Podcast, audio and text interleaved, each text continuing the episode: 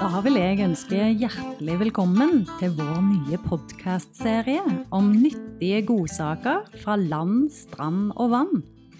Serien er et samarbeid mellom Trondheim sopp- og nyttevekstforening og Norges sopp- og nyttevekstforbund. Forbundet er en landsomfattende sammenslutning som består av 37 foreninger med 5000 medlemmer. Formålet med arbeidet vi gjør, er å øke interessen og fremme kunnskap om sopp og ville nyttevekster.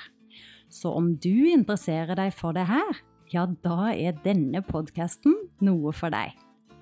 Vi skal snakke om spiselige vekster, sanking og tilberedning.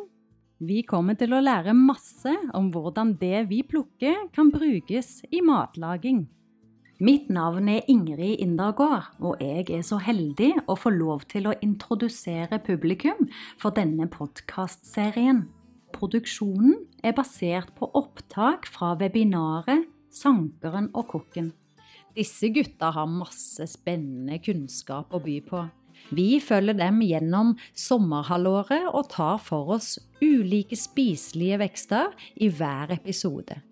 Jim André driver Trøndelag Sankeri og sanker inn hundrevis av ulike sopp- og nyttevekster som han leverer til restauranter. Trøndelag Sankeri kan du følge videre på Facebook og YouTube. Jørgen Ravneberg er en framragende kokk med mange gode ideer for tilberedning av spennende retter basert på vekster fra norsk natur. Jørgen jobber som kjøkkensjef på restauranten Kolonihagen på Frogner i Oslo, og er forfatter av nyttevekstboka kalt Sankeboka. Den gir masse inspirasjon til å gå ut og sanke nyttevekster og sette i gang med eksperimentering av smaker. I denne episoden får vi lære mer om veksters aroma og matlaging. Og vi lærer å ta vare på aroma ved infusjon og i te, sprit, iskrem, saft og eddik. Vi får høre mer om svartsurbær, pors, kvam, hegg og myske. Det blir tips for sanking, konservering og ideer for tilberedning. Noter gjerne ned navnet på arten du ønsker å smake på, og finn bilder på vår hjemmeside sopp- og nyttevekster.no. God lytting! Da får jeg bare si velkommen hit til eh, oss og vårt eh, sankeforedrag. I dag eh, er det jeg som har eh, hovedstyring her, for vi skal altså snakke litt mer matfaglig. Og eh, som Im André sier sjøl, så er jo han en Toro-kokk. Jeg prøver å gi han litt mer credit enn som så, jeg syns han er flinkere enn det. Men uansett så er det jo jeg som er teknisk best på selve matlaginga. Jeg krangler med deg der også, Jørgen. Nei. Det, det er nok lurt. Da skal vi jo gå gjennom litt eh, aroma i dag. Aromainfusjon. Det er jo veldig spennende. Mm. I norsk natur så har vi jo mest av de her vekstene som er mye sånn aroma og juicy fruktsaft og sånne ting i. Og da skal jo vi gå litt gjennom hvordan vi bruker det best. Hva du tenkte på? Nei, Jeg bare synes det er veldig interessant akkurat det med spesielt eh, infusjon og aroma. da, Mm. for at Det leverer jo ganske mye vekster. Mm. Og da spesielt det med infusjon. Det er noe som går igjen som veldig mange kokker eh, snakker om. da. Og det hører jeg på veldig mange av artene. Eh, Akkurat det med infusjon og hvordan du henter ut smakene. Ja. Det er jo som sagt det er jo det mest brukervennlige for de norske vekstene våre. Vi har jo ikke så mange av de her kjøttige grønnsaksråvarene vilt. Men vi har masse, masse nydelig Mm. aroma. Og hvordan utnytter vi Mm. aroma på best mulig måte? Det er jo ved infusjon. Altså infusere aromaen i andre ting. Trekke den ut av råvaren. Mm. Hva er egentlig aroma? Aroma er jo alt. Aroma betegnes i stor grad av den her eteriske oljen som finnes i alle vekster Det er jo mye brukt i parfyme. eh, Roseolje, sandeltreolje og masse forskjellig. Men eh, det finnes jo også ganske mange andre stoffer i de her forskjellige vekstene og råvarene rundt oss. Eteriske oljer i seg sjøl er ganske flyktig.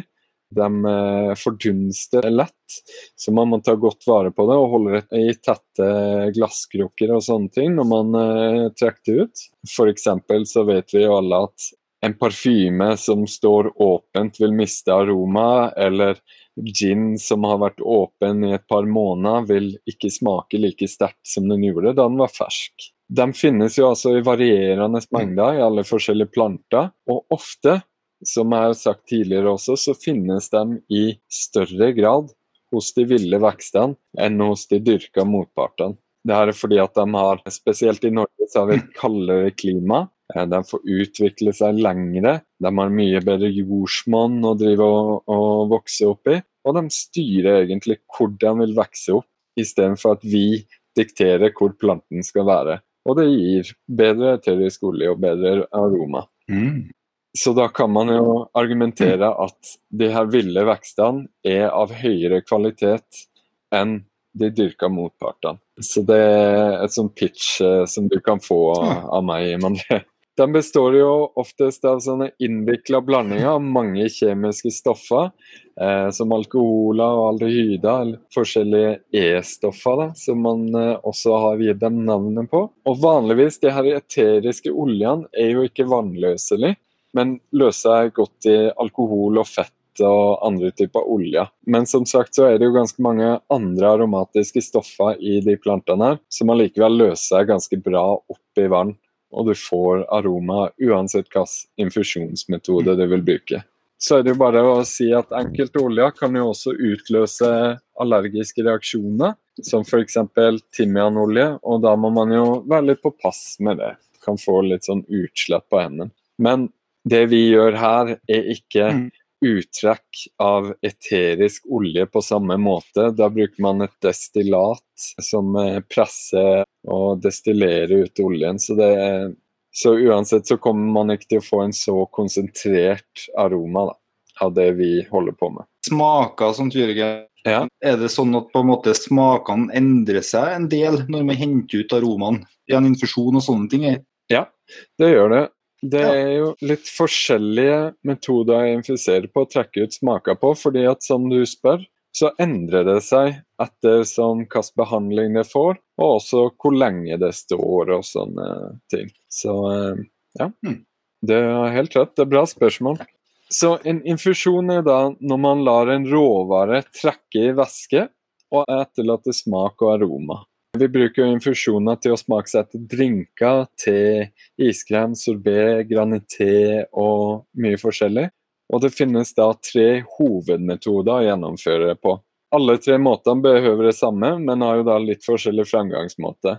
En ting jeg anbefaler her, er at dere kan ta mobilkamera og så bare ta bilde av skjermen her, eller bare printscreene. For jeg kommer ikke til å gå gjennom alle oppskriftene steg for steg, så bare tips til dere som ser på. Men uh, akkurat de her hovedmetodene skal vi gå gjennom. Det vi trenger her, er jo da et syltetøyglass med plass til én liter væske. Si et sånt uh, Le Parfait-glass eller et norgesglass. Så må du ha råvarer som er knust, tørka eller revet. Skal være nok til å fylle ca. en fjerdedel til en tredjedel av glasset, eller da mer om man vil ha en enda sterkere infusjon. Og så må du jo da ha 9 dl vann eller annen væske. Det er ikke kun vann man infuserer i. Andre ting kan jo inkludere eddik. Uansett hvilken eddik. Jeg anbefaler eplesidereddik, for den er veldig fin og behagelig smak. Man kan bruke en sukkerlake. Her har jeg skrevet 50-50. Det er altså halvparten sukker og vann. Eller man kan bruke mer eller mindre sukker om man vil, og man kan også ha litt sånn sitronsaft eller sånne ting i hvis man ønsker det. Man kan bruke sprit. Det beste for en sånn ren infusering er jo vodka, som er ganske smaksnøytral. Man kan bruke sauser eller krafter til å infusere krydder i. Man kan bruke olje, helst eh, solsikkeolje, eller man kan bruke smør. Det er også veldig mange andre ting som man kan bruke hvis man vil. Så det er ikke bare det. Ja, Kan man, kan man også gjøre det på ei syltelake? At man kan infusere dem for å få mer smak? ja det kan man også. Ja. Altså, om du har en væske uansett hva, så kan du egentlig infusere i det. Så smør for eksempel må man jo smelte og, og sånn. Mm. Så da Ja. Det er bare fantasien som setter grenser her, rett og slett. Her vil jeg bare vise en gammel dessert som jeg lagde. Den sjokoladen dere ser rundt der, og iskremen, det her er da en eh, steinsoppdessert. Og det jeg har gjort da, er å eh, smelte opp eh, kakaofett, og så blande med tørka steinsopp, og så la det varmes opp på ca. 60 grader i noen timer. Og da har jeg da infusert steinsoppsmaken i kakaofettet, og så kan man blende det eller sile det, og så blande det med litt melkesjokolade og masse mørk sjokolade. Og jeg lover, det her blir en av de beste sjokoladene du noen gang har spist. Den eh, ville til og med du likt, Jim, som ikke er så glad i å spise sopp. Ja. Eh, ja. Glad i sjokolade, da. Ikke sant? Så det veier opp litt der. Så til og med det mest kresne ville elska det her. Og den eh, snøen oppå her, det er eh, det kakaofettet fra steinsoppen blanda med noe som heter maltodekstrin, som absorberer fett og lager en snø. Og så er det den eh, isen hvor jeg bare har stekt litt eh, steinsopp i bitte litt olje. Og så har jeg hatt på melk og fløteblandinga før jeg lagde isen, og så bare lagde jeg trekke en stund. Så det er da to eksempler på infusjon bare der. Mm. Så Kult. Ja, kan brukes til alt mulig, rett og slett. Aldri tenkt på å bruke sopp som en del av infusjon. Det, det var helt nytt for meg. Ikke sant? Så når jeg jobba i Frankrike, så brukte vi jo både morkel og steinsopp og alt mulig. Ja. Så det, det var det å teste ut. Mm. Eh, ikke tips noen andre restauranter om det, da, for det er noe som har lært eh, med blod, svette og tårer i Frankrike. Så Ja, det er ikke sikkert hemmeligheten er så trygg etter å ha kjørt ut på en podkast og ut på foredraget her, da, Jørgen. Nei, men jeg satser på at det er mest eh, sankeinteresserte som hører på oss, og ikke så mange kokker. De har ikke så mye tid heller, vet du, så Ja. det, Jeg håper jeg på si, det det, beste. det trenger ikke å være min feil hvis det kommer ut. Nei, sant. sant. Jeg skal ikke holde det mot det. Men da kan vi jo starte litt på kaldinfusjon. Veldig enkel metode. Da har du bare den råvaren du vil eh, trekke ut smak fra, i et glass. Og så helle over romtemperert vann eller eddik eller uansett, og så lukker du glasset. La det stå i kjøler, kjøleskap et døgn eller to, og så siler du av, og så er infusjonen klar. Det er jo en veldig mild infusjon, men vil også ha en veldig ren smak. Men her er den veldig sensitiv også, så du kan miste smaken fort. Men det er jo sånn cold brew te, eller hvis du skal lage en granité eller noe sånt veldig delikat, så er det en bra måte å gjøre det på. Har du noen eksempler på, på nyttevekster som du bruker, eventuelt på en kald infusjon? Ja. Syrin. Jeg hadde det klart, skjønner du. Syrin er jo ganske Ja. Så den er fin å bruke til eh, akkurat det. Generelt veldig aromatiske råvarer. Bra å kjøre sånn kaldinfusjon på. Så det. Hmm. Rett og slett. Så har vi jo temetoden. Det er nok den som de aller fleste er mest kjent med, vil jeg si. Alle har jo kokt seg en kopp med te. Da eh, koker du altså først opp eh, vann, og så heller du over eh, en råvare, enten den er tørr eller fersk. Og så lukker Mm. du det norgesglasset, og så bare lar du stå litt på benken først, og så inn på kjøl over natta. Så kan du sile det av, og så er infusjonen klar. Den her får jo veldig fin smak. Du har ikke fått så mye oppvarming på eh, råvaren, og den er ikke bare kaldtrukket, så du vil få litt smak allikevel. Den her er jo fin på f.eks. øyentrøst, som er passe aromatisk. Eller også ja, øyentrøst eller andre krydderurter eller eh, ja, litt forskjellige ting. eh, Visse typer bær og sånt er bra på det her. Så eh, ja. Litt artig enn den, eh, den uka her, Jørgen. Og det er den hvitsteinkløver. Ja. Tror du den kunne ha passa til en sånn type greie? Ja, Egentlig, vet du hva, jeg ville kjørt T-metoden på den. Fordi at du får jo litt eh, kumarina der som eh, trenger å få litt oppvarming for å frigjøres. Så eh, T-metoden er best det. Ja, og da bør du legge på et varmt glass og la det ligge over natta, får ikke så? Ja, eller heller varm, varm lake over. Eh, varm et eller annet over ja. glasset med råvarene. Så jeg kan ta Ja. tilbake der, hvis noen ikke nådde å ta bilde av det. Alle de her eh, finnes jo mer eller mindre i sankeboka også, hvis folk har den. Så nå blir det bare litt forklaring i dybden. Så har vi da tredje metoden, varmemetoden. Det går jo ut på at man varmer opp vannet eller væska med råvann til ca. 90 grader i en kjele, og lar det stå i minimum 20-30 minutter med varme. Man kan ha det lengre eh, hvis man vil det, f.eks. som man sa med steinsoppen, litt lavere temperatur, og la det ligge lengre. Men ideen er den samme, det skal varmes opp sammen. Så har du alt i glasset, og så lukker du det og oppbevarer det på kjøl i fire til seks timer eller over natta. Og så bare siler du av det, og så er det klart. Her bruker man jo på litt eh, tøffere råvarer som trenger å bearbeides litt, som f.eks. røtter, men også på bær eller andre ting som eh, man eh, ikke har noe problem med å koke litt. da. Aronia f.eks., svartsurbær, er da er det her den eh, beste måten å gjøre det på. Så eddik går vi over på eh, litt mer tekniske ting her. Nå er det her den infusjonsmetoden å lage eddik på eh, som vi skal gå gjennom først. finnes det to metoder. Den andre er å faktisk lage eddik. Jeg vil jo anbefale denne infusjonen. Den er absolutt enklest. Da trenger du jo et syltetøyglass med plass til en liter. Råvarer som er vaska og knust, tørket eller revet. Samme mengde som tidligere. Og så er det jo som i infusjon, så skal det 9 dl eddik, eh, helst hvitvinseddik. Og så bare har du det i glasset sammen, og la det stå i romtemperatur i én til tre måneder. Det er klart fra to uker, men det får desidert best smak etter litt lengre tid. Og så bare siler du det, og så har du eddik. Mm. Den råvaren kan jo da tørkes og kjøres til pulver.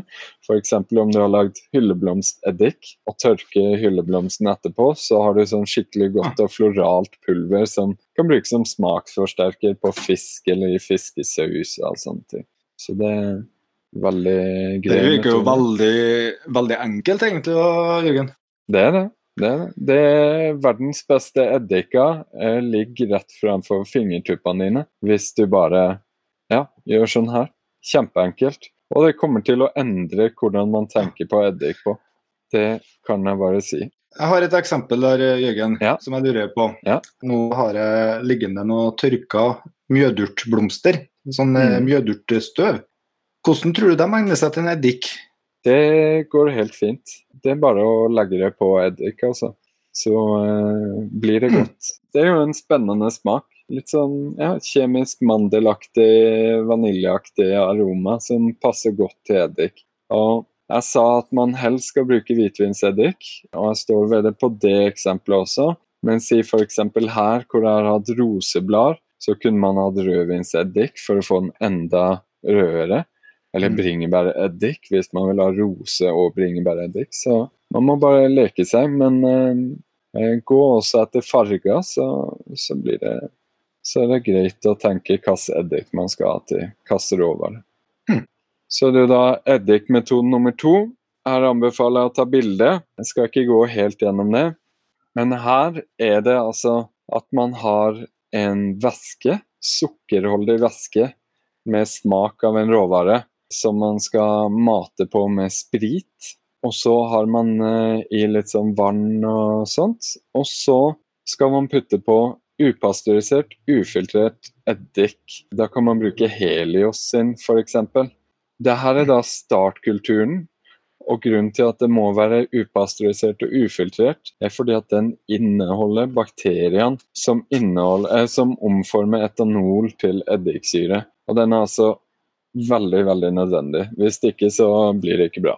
40% sprit. Om man får tak i 60, så er det enda bedre. Da kan man bruke mindre sprit. Men poenget her er at totalt skal væska ha et alkoholnivå på 9-16% for å bli eddik. Ideelt er det 11-12. Da skal man bare blande alt sammen, unntatt eh, eddikkulturen. Og så eh, få det ja, smelta og løst sammen godt. Og så har man i kulturen og løse røre forsiktig rundt. Og så skal det bare stå på, i romtemperatur med bare et klede over i ca. en måned. Mm.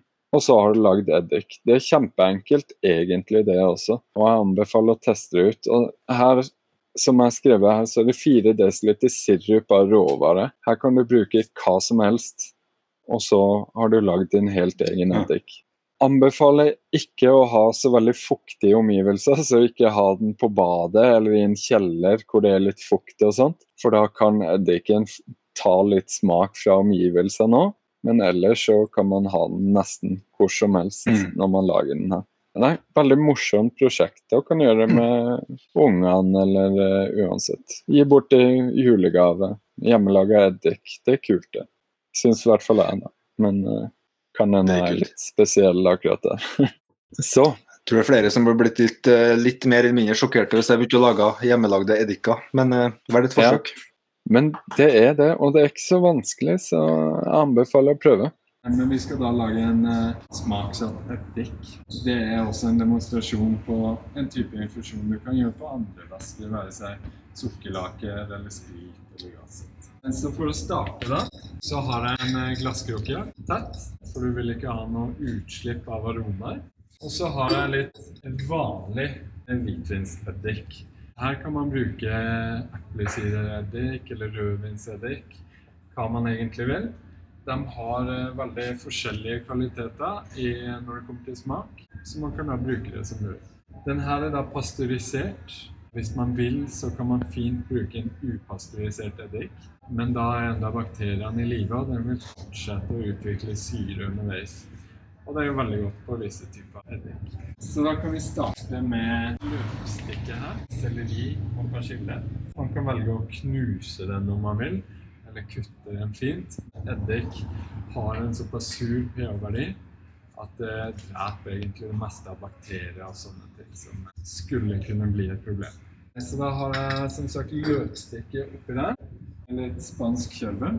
Få litt eh, anismak også oppi der. Maure. Det får turmarin og sånne ting. Kan vi ta en større mengde av. Den er veldig fresh og god. Det her blir jo en aromatisk gresseddik som man da kan bruke videre til smørsauser eller smaksetting av majonesa eller Og så heller jeg bare på eddiken. Så lukker vi den igjen. Til vi har eh, masse deilig grønt oppi en krukke med eddik. That's it. Så jeg anbefaler å la denne stå i minimum to uker. Og akkurat denne metoden kan du gjøre på alt. Du kan legge bringebær på denne måten oppi eddik. Blåbær, multer, pastinakk, mjødurt. Og denne kan som sagt også overføres til sukkerlaker og sprit og sånne ting, hvis du vil lage en annen smak på de råvarene. Kult, Jørgen. Det var ganske sånn kjapt å kunne på en måte ta vare på aromaen på den måten der. Det er så enkelt, og mer skal det ikke til. Og da kan man jo f.eks. bruke gjellkarve, som vi snakka om sist gang. Den er jo kjempegod til det. Kan bruke forskjellige timianarter.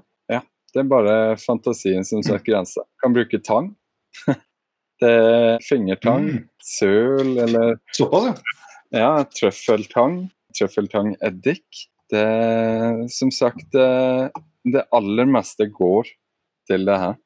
Så det er bare å teste seg fram. Mm. Så her skal jeg jo vise noen flere eksempler, hvis noen vil ta bilder her. Hvis du har en uh, juice av bær eller en råvare eller noen infusjoner, så kan du blande det med sukker og uh, sitronjuice. Og så fryser du det, og så når det fryser, så skraper du det, så du får sånn slush, som det er her. Her er da solbær og solbærblad. Oi. Så det, da kommer du til å vinne over gjestene med dessertservering på ditt neste middagsselskap, eller uansett. Du kan lage is. Du Lage veldig gode iser. Eh, Råvaren eh, infuserer i eh, ismeta.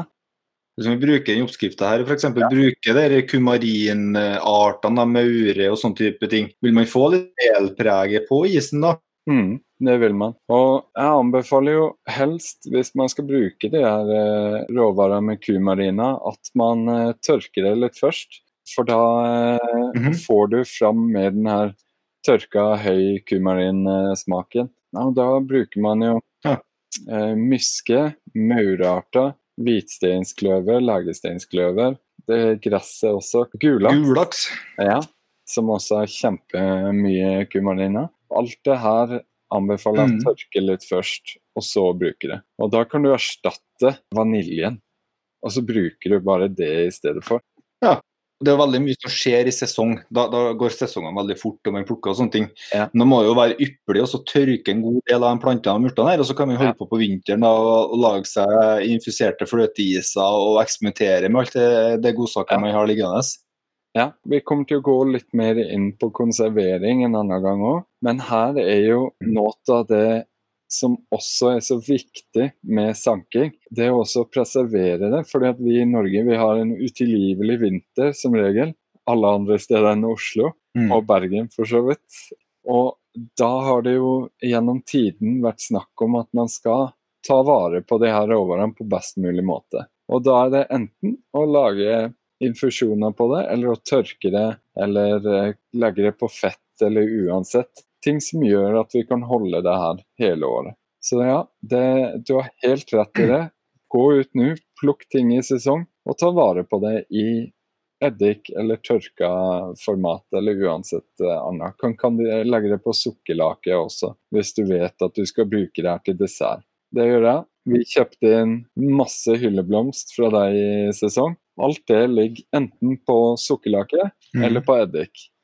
Og så bruker vi det videre derifra. Sukkerlaka går til iskrem eller granité eller cocktails. Eddiken går til smørsausa eller ja. majonesa eller ja, you name it. Det er jo ypperlig. Ja. Og der er det vakre med oss innvandrere, med kokken og sanken, at vi forener de to ideene i en nydelig harmoni. Så Ja, det var Givetvis. er vakkert. Vakkert.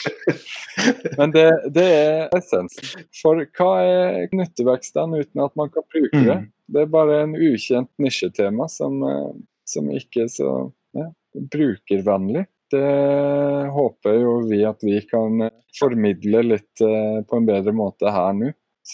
Jeg tror virkelig det, Jørgen, at hvis man på en måte får litt sånn taket på det med infusjoner og eddiker og sånne ting, så, så, tror jeg folk på en måte har, får en helt ny dimensjon. Mm. For det, det, er veldig ofte at det blir brukt litt som garnityr, kanskje litt gjøksyre her, og, men at man virkelig får tatt vare på aromaene og smakene, mm. det tror jeg kan gjøre veldig mye da, for folk. Og ikke minst det med å eksperimentere med smaker. Mm. Det er akkurat det. Så bare tenk på det her. Man kan nesten kutte bort eh, sine innkjøp av krydder, av eddika, av ja, egentlig eh, vanilje, all, masse av de her dessertaromaene. Man kan kutte drastisk ned på mm. ting som mel og sånne ting. Man kan kutte ned på kjøp av garnityrer. Så det er så mye man kan eh, gjøre på en bedre måte hvis man bare lærer seg å bruke de her kortreiste nyttevekstene litt bedre. Så det, det er virkelig verdt mm. å lære seg. Mm. Der hadde jeg jo litt uh, myske også, for å uh, oh. demonstrere kumarin til fløteis. For det er en killer kombinasjon. Det er um, som sagt gulaks, mm. maure, myske, alt sånt. Passer kjempebra til uh, fløteis. Ja. Også for å bygge litt videre, olje. Her kan man enten uh, lage seg grønne olje med grønne nyttevekster som både har smakskvaliteter og fin farge. Eller så kan man lage en smaksolje. Hvis man skal bruke det til å konfitere andre råvarer, eller bruke det til basis eh, i majones eller sånne ting. Olje er også fantastisk tips å infusere ting i. Anbefaler ikke å kaldinfusere ting i olje, for da kan det fortsette å gjære seg i oljen. Og det har jeg fått eh, erfare. Det blir sånn Jeg har prøvd med bl.a. vårløk. Og når jeg åpna det vårløkglasset, mm. det var helt hinsides Det som Nei, det lukta så råttent. Så ikke kaldinfusere ting i olje over lang tid. Ja, ok. Det tips. Vet du, Når det kommer til olje, Jørgen, Mm. der har jeg faktisk to ting i kjøleskapet mitt Ja. med nyttevekster. Ja, Eh, og da har jeg en Ramsløksolje. trøffeltangolje stående, Ja. og ramsløksolje. Ja. Ja. Og begge dem ble kjørt på Jeg lurer på om jeg kjørte dem på litt høyere. Jeg lurer på om de ble kjørt på en 75 grader i, i Thermomix, eh, kanskje rundt der. da, Så jeg tenkte ikke så mye over den biten der.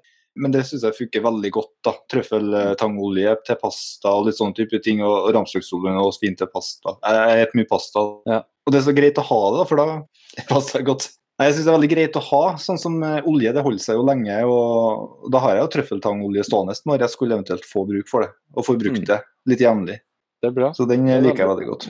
Ja. det der sier, Mm. det her høres ikke ut som Toro-kokk-greier. Ramsløksolje og trøffeltangolje, det, det er ganske langt eh, over torokokk. Ja, jeg finner fin den, altså. Ja, det skrev jo jeg også, at man burde varme opp eh, oljen til 70 grader. Eller litt over 70 grader, for da, da frigjør man mesteparten av de her smaksstoffene. Så der egner jo Mm. kvann seg veldig godt, f.eks. Både strand og fjellkvann. Den Mm. har kjempegod, sin Mm. skarp eh, aroma som passer godt til det.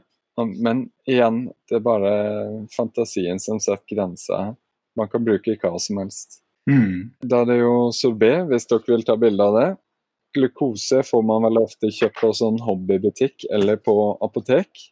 Eh, her kan man bruke enten ren frukt eller bær eller eh, bladpuré. Eller eh, sterke infusjoner, da. Eller milde infusjoner hvis man vil ha en veldig sånn mild og frisk smak. F.eks. hvis du bruker rosekronblad her har en sånn mild infusjon, så kommer den sorbeten til å bli sånn superfrisk og fin. Så det er alt etter som, rett og slett. Mm. Løvetannsorbé, har du smakt det? No. Ja. Nei, det har ikke falt meg inn engang. Seriøst? Ja, ja. Lag, lag sorbé av løvetann? Enten kan du bruke Hva, sma hva smaker det? eh, gress.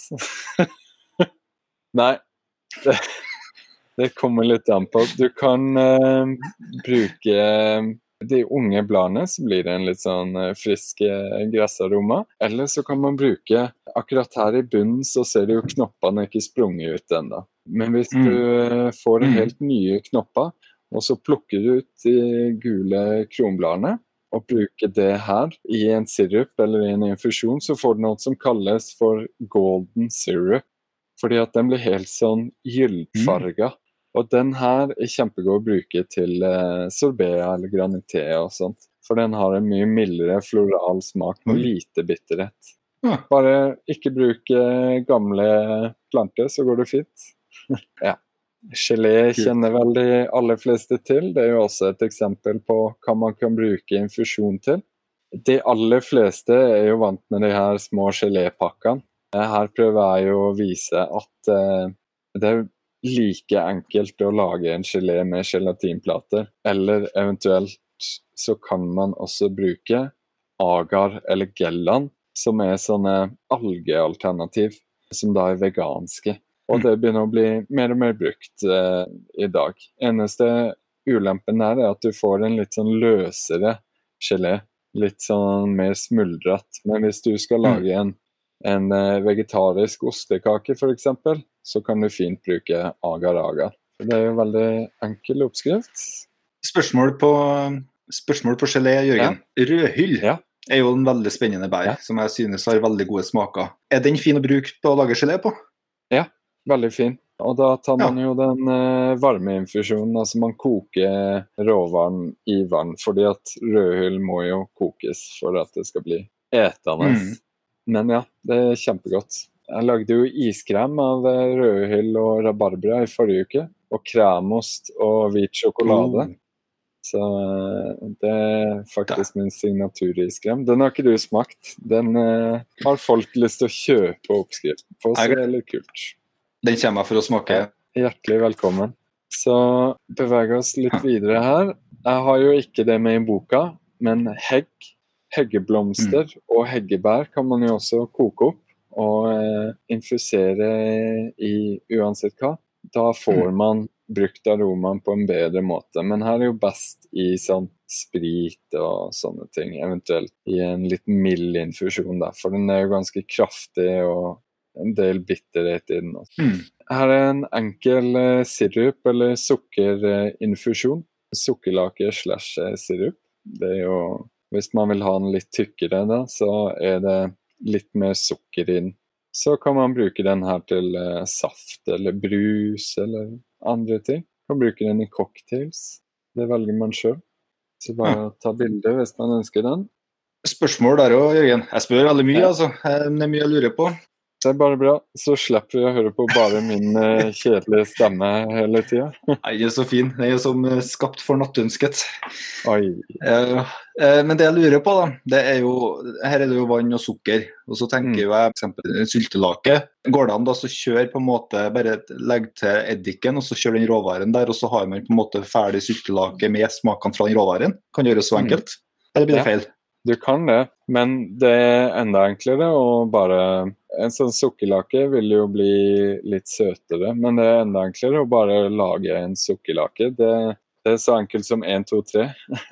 Vi går litt uh, mer gjennom det neste gang, men det er jo enten én del eddik, to del sukker, tre del vann, mm. eller én del sukker, to del eddik og tre del vann og så bare mer råvare. Kjempeenkelt. Så har du en smaksatt syltelake. Varmer den opp, eller koker den opp akkurat, mm. og så bare holder den litt varm en stund. Der kan man variere hva man vil smake til med. Men da, for det jeg tenker da, Ta f.eks. Eh, skarlagen vårbeger, altså en sånn fantastisk fin sopp. Den er jo fin å sylte, blant annet. Mm. Går det an å eksperimentere i den retninga? Mm. Ja, ja, absolutt. Det, det gjør det. Det er ja, ganske kult, da. Ja, altså, det er virkelig bare fantasien som setter grenser når det kommer til uh, bruk her. Herlighet! Ja. Det er jo så kult. Ja, det er norske råvarene. Altså, ja, vi har sammenligna i sammenligninger i uh, produkter som vi har brukt uh, fra før av, men det er ikke så mye utprøvd. Så her er altså mm. Vi har alle muligheten til å bane nye veier her. Så bare å prøve seg fram, faktisk. Kult. Her, bare for å gi et eksempel. Geitrams, de rosa blomstene, er kjempebra å lage en sånn sukkerlake på. Og så lage saft eller mm. drikke videre på det. Så eh, den har jo veldig god og behagelig aroma, så blir det skikkelig, skikkelig pen farge. Mm. Tenk deg den rosa fargen der bare i en drikke. Mm. Mjødurt også. Kjempegodt. Mm. Så har vi da likør. Det er jo litt annerledes enn en uh, ren infusjon i sprit, fordi at her har vi jo også sukker med.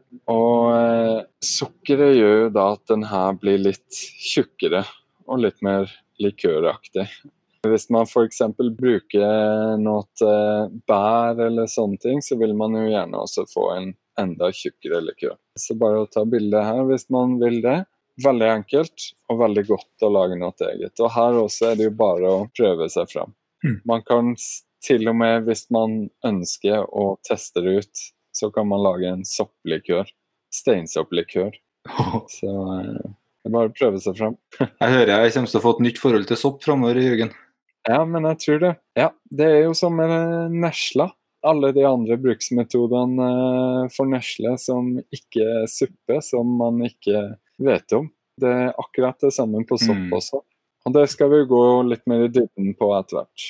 Mm. Her er et eksempel på en cocktail som er lagd eh, med bl.a. multer. Bare for å vise hva man kan gjøre. Det er litt appelsin på toppen, og så er det litt eh, tonic water og litt akevitt. Og mm. den eh, ble da kalt eh, Finnmarks gull. det var litt morsomt. Og så her, jeg kan ikke la være å snakke bitte litt om kombucha her på tampen. Kombucha er jo the it drink, og her skal jeg ikke gå for mye i dybden heller. Men det som er litt morsomt her, er at det skjer ved hjelp av en scoby. Scoby er da en symbiotisk kultur av bakterier og gjær. Det er altså gjær og bakterier som jobber sammen for å lage et endelig produkt. Hovedsaken her mm. er at det er gjær som danner alkohol av sukkeret i den væska som man lager. Og så er det bakterier som spiser på alkoholen og lager eddiksyre. Så det er på en måte kombinasjon av Mm. øl og eddik i ett. Så det er ganske morsomt. Og så blir det en sånn geléhinne som eh, ser ut som en sånn morkake, om det er lov til å si, på toppen av vaska som man lager. Hørtes kjempedelikat ut. Så eh, Ja, ikke sant. Der skal du drikke i, mener du. Eh, Men det, det blir altså kjempegodt. Og i dagens eh, samfunn, hvor vi har tannkrem og eh, kaffe og masse andre ting som klorin i vannet, som, eh, som er med på å eh, gi oss nedsatt mage- og tarmflora, så sies jo at kombucha på lik linje med yoghurt er med på å eh, restaurere mage- og tarmfloraen, fordi at det har gode melkesyrebakterier og eddiksyrebakterier og sånne ting som eh, er med på å passe på oss. Og det finner man jo også ut mer og mer eh, den dagen i dag, at tarmflora har veldig mye å si for humør og hormoner og diverse andre ting. Så ja, det er sunt med litt bakterier, og kombucha er en bra kilde for eh, mange gode bakterier. da. Samme måte som yoghurt. Så bare ta bilde her hvis man ikke har gjort det. Jeg anbefaler å prøve det her ut. Veldig, veldig, veldig godt. Og det er mye billigere enn å gå og kjøpe det i butikken. Mm. Her er et eksempel på en eh, Scoby jeg lagde, som ble kalt opp etter samboeren min, Johanna, Jojo. Mm. Eh, Det var da blåbær og granskudd. Mm. Det er skikkelig fin farge på den. Og her eh, er solbærblad kombucha. Mm. Kjempegodt. På solbærblad, Jørgen, der har jeg tips å komme med. òg. olje på solbærblad syns jeg er veldig, veldig godt. Kan jeg Det- tro på. Det gjør veldig mye med smaken. Ja, Det tror jeg på. Det er nok eh, kjempegodt. Og solbærblad. Det er så få som vet at man kan bruke det, men det har en så mye mer delikat aroma av solbær enn det solbær har sjøl, og er mye mer sånn flerbruksvennlig. Så det anbefales å gå ut og teste. Mm. Virkelig. Du aner ikke hvor mye ideer jeg har fått med Jørgen. Jeg tenker på, på gulrot. Eh, jeg har jo en del gulrot som ikke er tatt opp for året. Og Selve den grønne dusken på gulroten Ja. den smaker jo også gulrot. Du, Så- gulrotgress er Ja. så godt. Ja, kjør på. Det jeg tenker jeg skal gjøre, da, jeg- jeg på den, og så skal jeg Ja. lage gulrotkake på den. Hva tror du om det? Ja, ja, ja, kjempebra. Ja. Infuser det i eh, fløte eh, under eh, lett oppvarming, så blir det kjempegodt. Du kan lage gelé på det, kan lage granité på det. Eh, alt mulig. Ja. Og også sånn eh, bladbete og sånne ting fungerer også. Og veldig mange av de her eh, ikke-delene av grønnsaken eh, kan brukes. Så eh, bare sjekk det opp og test det Ja. ut. Ja, det, nå gleder jeg meg. Ja. Her er mye rart som skal testes. Ja. Hva med pessmør? Går det an å kjøre en infusjon på pessmør f.eks.? Ja, det går det. Det går det. Men de inneholder jo en del syre, og en syre som man ikke Mm. skal ha altfor mye av. Så jeg ville kanskje ikke Mm. gjort eh, for mye. Jeg ville også vært litt forsiktig med sånn kløversyre og sånt, med ikke altfor mye av det, hvis man skal innta en del av det. Men eh, ja, det går Mm. Absolutt. Det eneste er jo at si pissmør, så, så vil du få mye av syra igjen, men ikke så mye av de andre smakene. da. Mm. Så det. Ja, nei, her er masse, masse som må testes. Ja. Si takk for oss, ja. ja. Takk for oss. Ha en fin kveld videre. Tusen takk til Jim og Jørgen for deling av nyttig kunnskap om naturens spiskammer. Vi håper at det har vært berikende og til inspirasjon, slik at nettopp du tar turen ut og plukker med deg litt godsaker. Var det noe nytt du vil dele med en venn eller kollega? Eller noe du vil overraske familien med til middag eller dessert? Det kommer flere episoder i denne podkastserien, så husk å abonnere. Del den gjerne med de du tror både kan nyte og ha nytte av den. Masse å glede seg til fremover her. Bli med oss også i neste episode. Da skal Jim André og Jørgen ta oss med på nok en kulinarisk reise. Vi får da lære mer om enkle, trygge og gode matsopper. Vi får lære mer om artene kantarell, matriske, piggsopp, fåresopp, traktkantarell, svart trompetsopp og steinsopp. God sanking, og på gjenhør neste uke.